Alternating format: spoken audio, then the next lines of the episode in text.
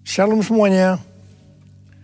Pada waktu Tuhan Yesus ditanya oleh murid-muridnya tentang kedatangannya dan tanda kesudahan dunia ini. Tuhan Yesus menjawab dalam Lukas 21 ayat 11 bahwa salah satunya adalah penyakit sampar. Sampar dapat diartikan sebagai pandemi. Jadi COVID-19 ini adalah salah satu tanda dari kedatangan Tuhan Yesus kembali. Dan tanda kesudahan dunia ini. Selain itu, Tuhan Yesus menjawab dari Matius 24 ayat 14 yang berkata, Dan Injil kerajaan ini akan diberitakan di seluruh dunia menjadi kesaksian bagi semua bangsa. Sesudah itu barulah tiba kesudahannya. Tuhan Yesus pasti datang kembali. Yang percaya katakan amin. Karena itu dia memberikan amanat agung kepada kita. Yaitu agar kita pergi dan menjadikan semua bangsa itu murid Tuhan Yesus. Hal ini juga berarti agar terjadi penuhan jiwa besar-besaran sebelum Tuhan Yesus datang kembali. Sekarang kita akan melihat bagaimana proses untuk menyelesaikan amanat agung atau proses penuhan jiwa yang terbesar dan yang terakhir sebelum Tuhan Yesus datang kembali. Untuk menyelesaikan amanat agung tidak bisa dengan kekuatan sendiri karena itu pesan terakhir Tuhan Yesus sebelum naik ke sorga kepada murid-muridnya. Yang juga berarti kepada kita semua. Dalam kisah para rasul 1 8. Tetapi kamu akan menerima kuasa kalau roh kudus turun ke atas kamu. Dan kamu akan menjadi saksiku di Yerusalem. Dan di seluruh Yudea dan Samaria dan sampai ke ujung bumi. Jadi untuk menyelesaikan amanat agung kita harus menerima kuasa dari Roh Kudus yang turun ke atas kita. Setelah itu dengan disaksikan para muridnya, Tuhan Yesus naik ke sorga. Setelah Tuhan Yesus naik ke sorga, 120 murid Tuhan Yesus berkumpul di kamar loteng Yerusalem. Mereka melakukan ini karena Tuhan Yesus memerintahkan agar mereka tidak meninggalkan kota Yerusalem sebelum diperlengkapi dengan kekuasaan dari tempat tinggi. Tuhan Yesus berkata, sebab Yohanes membaptis dengan air, tetapi tidak lama lagi kamu akan dibaptis dengan roh kudus. Apa yang dilakukan 120 murid di kamar loteng? Alkitab berkata bahwa mereka semua bertekun dengan sehati dalam doa bersama-sama Artinya mereka berdoa, memuji dan menyembah Tuhan dalam unity siang dan malam. Ini adalah prinsip restorasi Pondok Daud. Ini adalah prinsip menara doa. Setelah 10 hari mereka melakukan hal itu. Maka pada hari raya Pentakosta, tiba-tiba turunlah dari langit suatu bunyi seperti tiupan angin keras yang memenuhi seluruh rumah di mana mereka duduk dan tampaklah lidah-lidah seperti nyala api yang bertebaran dan hinggap kepada mereka masing-masing. Maka penuhlah mereka dengan roh kudus. Lalu mereka mulai berkata-kata dalam bahasa-bahasa lain. Seperti yang diberikan oleh roh itu kepada mereka untuk mengatakannya. Itu adalah bahasa roh. Jadi tanda awal orang yang dibaptis dengan roh kudus adalah mereka akan berbahasa roh. Apa yang terjadi setelah murid-murid Tuhan Yesus dipenuhi dengan roh kudus? Hal yang pertama, Petrus berkhotbah sekitar lima menit. Dan kira-kira tiga ribu orang bertobat dan dibaptis. Wow. Petrus berkhotbah dengan kuasa roh kudus. Pada zaman itu, populasi penduduk dunia sekitar 255 juta orang. Sekarang penduduk dunia sekitar 7,8 miliar.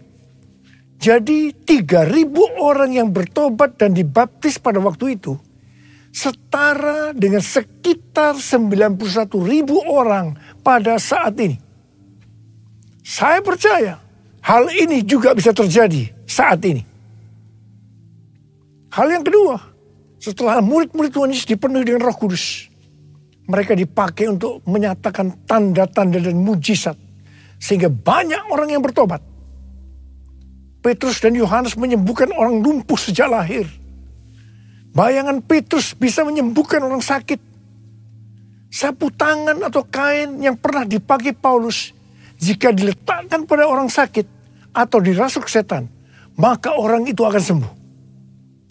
Dalam Markus 16 ayat 15 dan 18, Tuhan Yesus berkata bahwa kalau kita pergi untuk memberitakan Injil, maka tanda-tanda dan mujizat akan menyertai kita.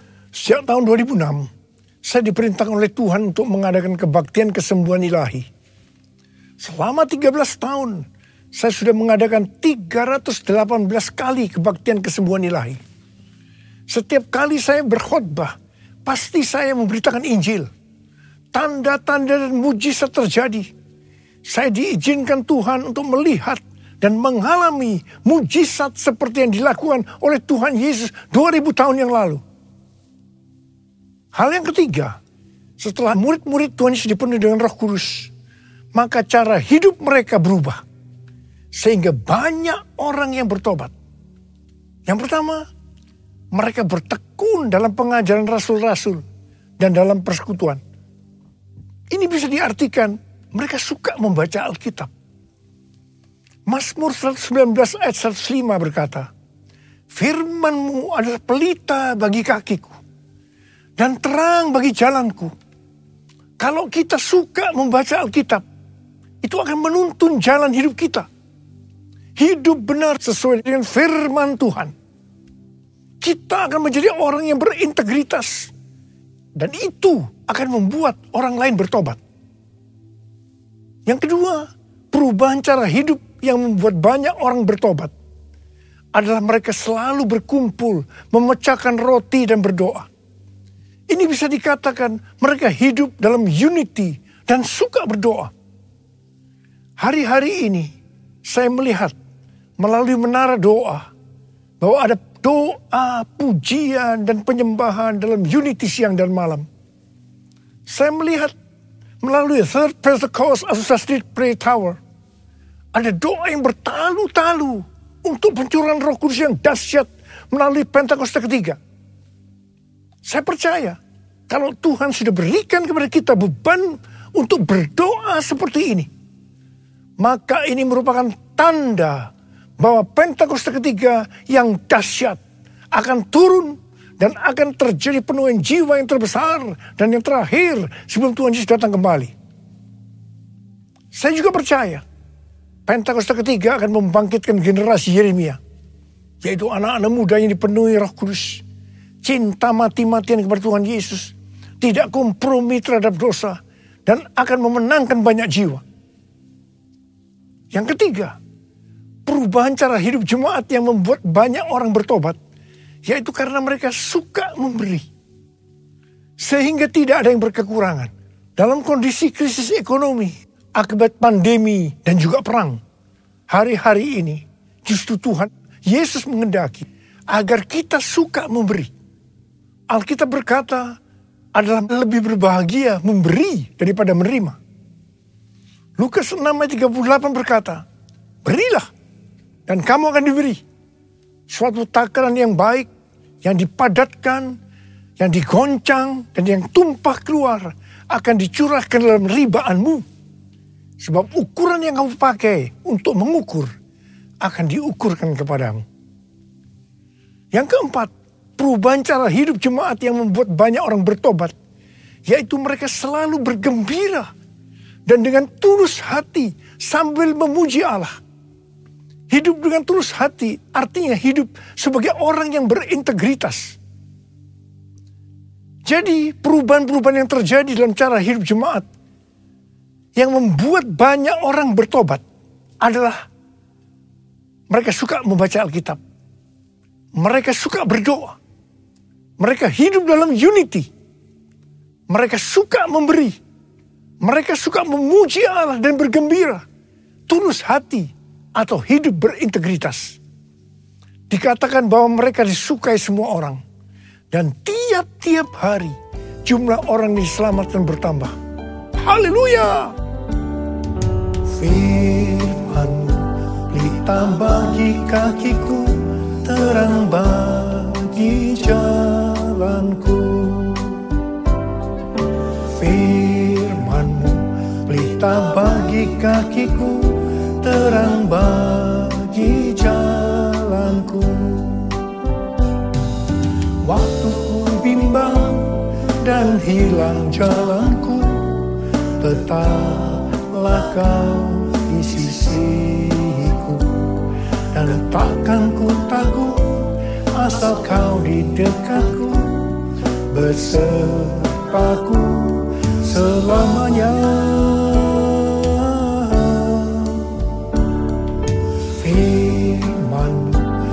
Mata bagi kakiku, terang bagi jalanku.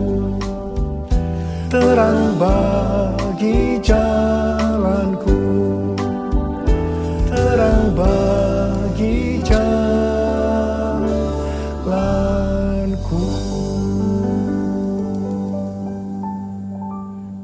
Saya percaya mereka menganggap bahwa pola penuhan jiwa hanya seperti itu. Mereka sebagai orang-orang percaya hidup dalam zona nyaman. Mereka biasa berkumpul dalam unity sambil membaca Alkitab, berdoa dan memuji Tuhan dengan sukacita. Tidak ada yang berkekurangan. Wow, siapa yang tidak mau menjadi orang Kristen? Tetapi ternyata supaya penuhan jiwa bertambah besar, Tuhan izinkan proses berikutnya terjadi. Yaitu aniaya menimpa jemaat di Yerusalem. Selain rasul-rasul maka mereka harus lari meninggalkan Yerusalem. Mereka pergi ke Yudea dan Samaria sambil memberitakan Injil. Jadi kalau tadinya penuhan jiwa hanya terjadi di Yerusalem saja. Sekarang menyebar ke seluruh Yudea dan Samaria dan pola penuh jiwa yang seperti ini masih terjadi sampai hari ini. Catatan sejarah gereja selama berabad-abad menunjukkan bahwa semakin gereja ditekan, justru Injil semakin menyebar dan diberitakan ke mana-mana. Karena itu Tuhan izinkan hari-hari ini penderitaan, aniaya itu terjadi di antara orang-orang percaya supaya terjadi penuhan jiwa yang lebih besar. Saya percaya melalui masa pandemi COVID-19 yang membuat kita tidak nyaman. Banyak mengalami tekanan-tekanan. Ada yang mengalami sakit, bahkan ada yang meninggal. Tetapi justru ini akan mempersiapkan penuhan jiwa yang terbesar dan yang terakhir dalam era Pentakosta ketiga ini sebelum Tuhan Yesus datang kembali. Ternyata pola penuhan yang terjadi di atas belum menyelesaikan rencana Tuhan. Karena selain penuhan jiwa harus terjadi di Yerusalem, di seluruh Yudea dan Samaria, tetapi juga harus sampai ke ujung bumi.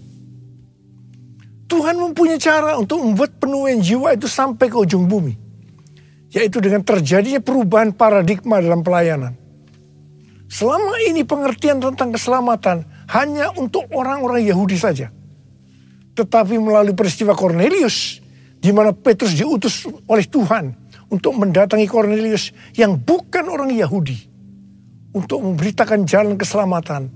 Akhirnya mereka mengerti bahwa ternyata keselamatan bukan hanya untuk orang-orang Yahudi saja, tetapi untuk semua bangsa dan ini mengakibatkan terjadinya penuhan jiwa besar-besaran. Haleluya! Jadi mereka tidak hanya mengabarkan Injil di Yerusalem, Yudea dan Samaria saja. Tetapi sekarang mereka termasuk kita juga pergi ke seluruh dunia. Proses perubahan paradigma dalam pelayanan ini tidak mudah. Petrus harus diyakinkan oleh Tuhan. Kalau Tuhan berkata halal, jangan kamu berkata haram. Orang-orang yang bukan Yahudi adalah haram di mata orang Yahudi. Proses itu masih terus berlanjut untuk memberikan pengertian kepada orang-orang Yahudi, golongan bersunat dan juga orang-orang Farisi yang sudah bertobat. Di mana mereka berpendapat bahwa orang yang bukan Yahudi yang percaya kepada Tuhan Yesus harus disunat dan diwajibkan mengikuti hukum-hukum Musa. Tetapi melalui sidang di Yerusalem, akhirnya mereka mengerti dan bisa menerima bahwa keselamatan bukan hanya untuk orang-orang Yahudi saja, tetapi untuk semua bangsa. Katakan amin.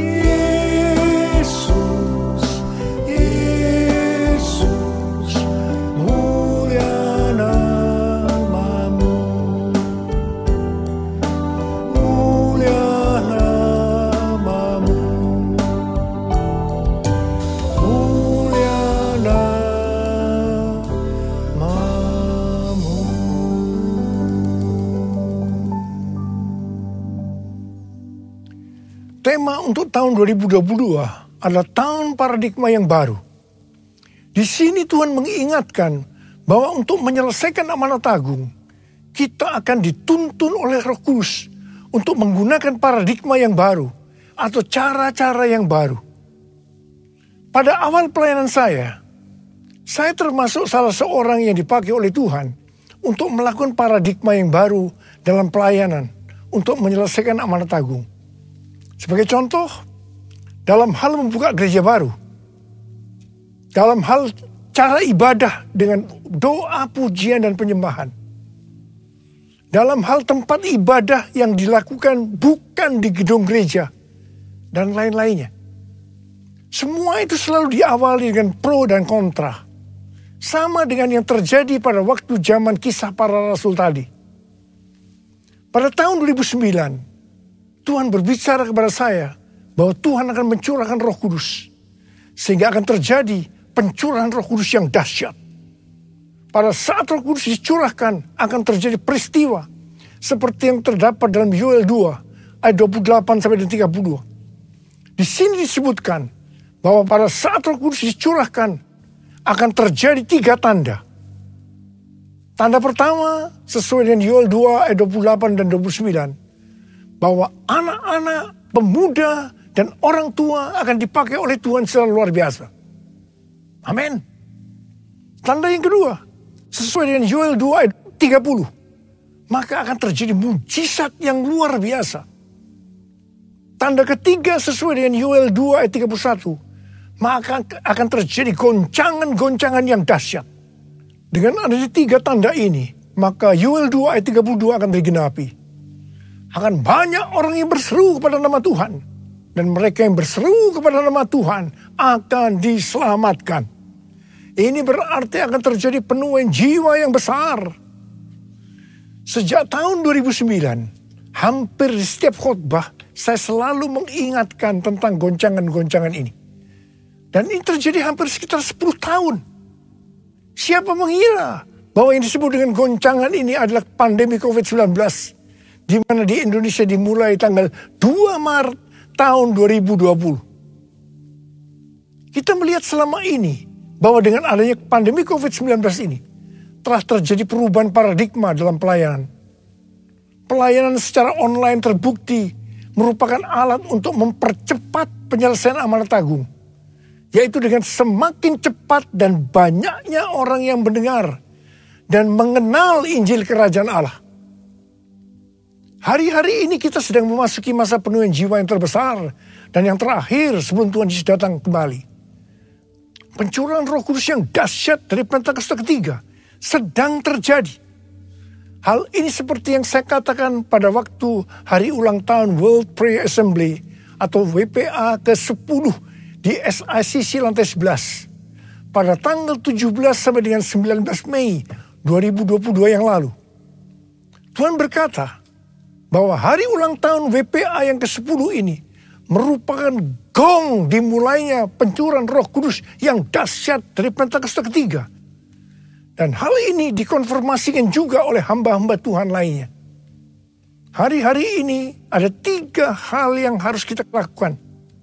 Hal yang pertama, kita harus terus memperkatakan perkataan Tuhan Yesus dalam Markus 4 ayat 29 yang Tuhan berikan kepada saya pada waktu saya berulang tahun yaitu bahwa musim menuai sudah tiba.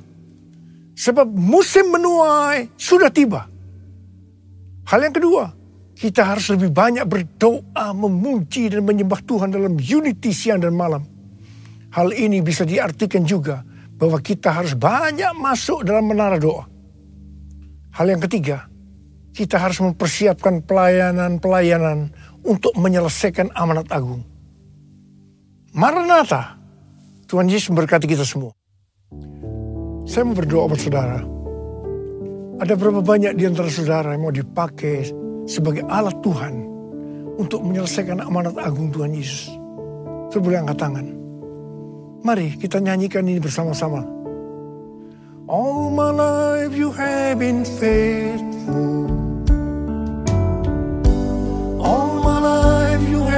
So, so good. With every breath that I am able, I will sing of the goodness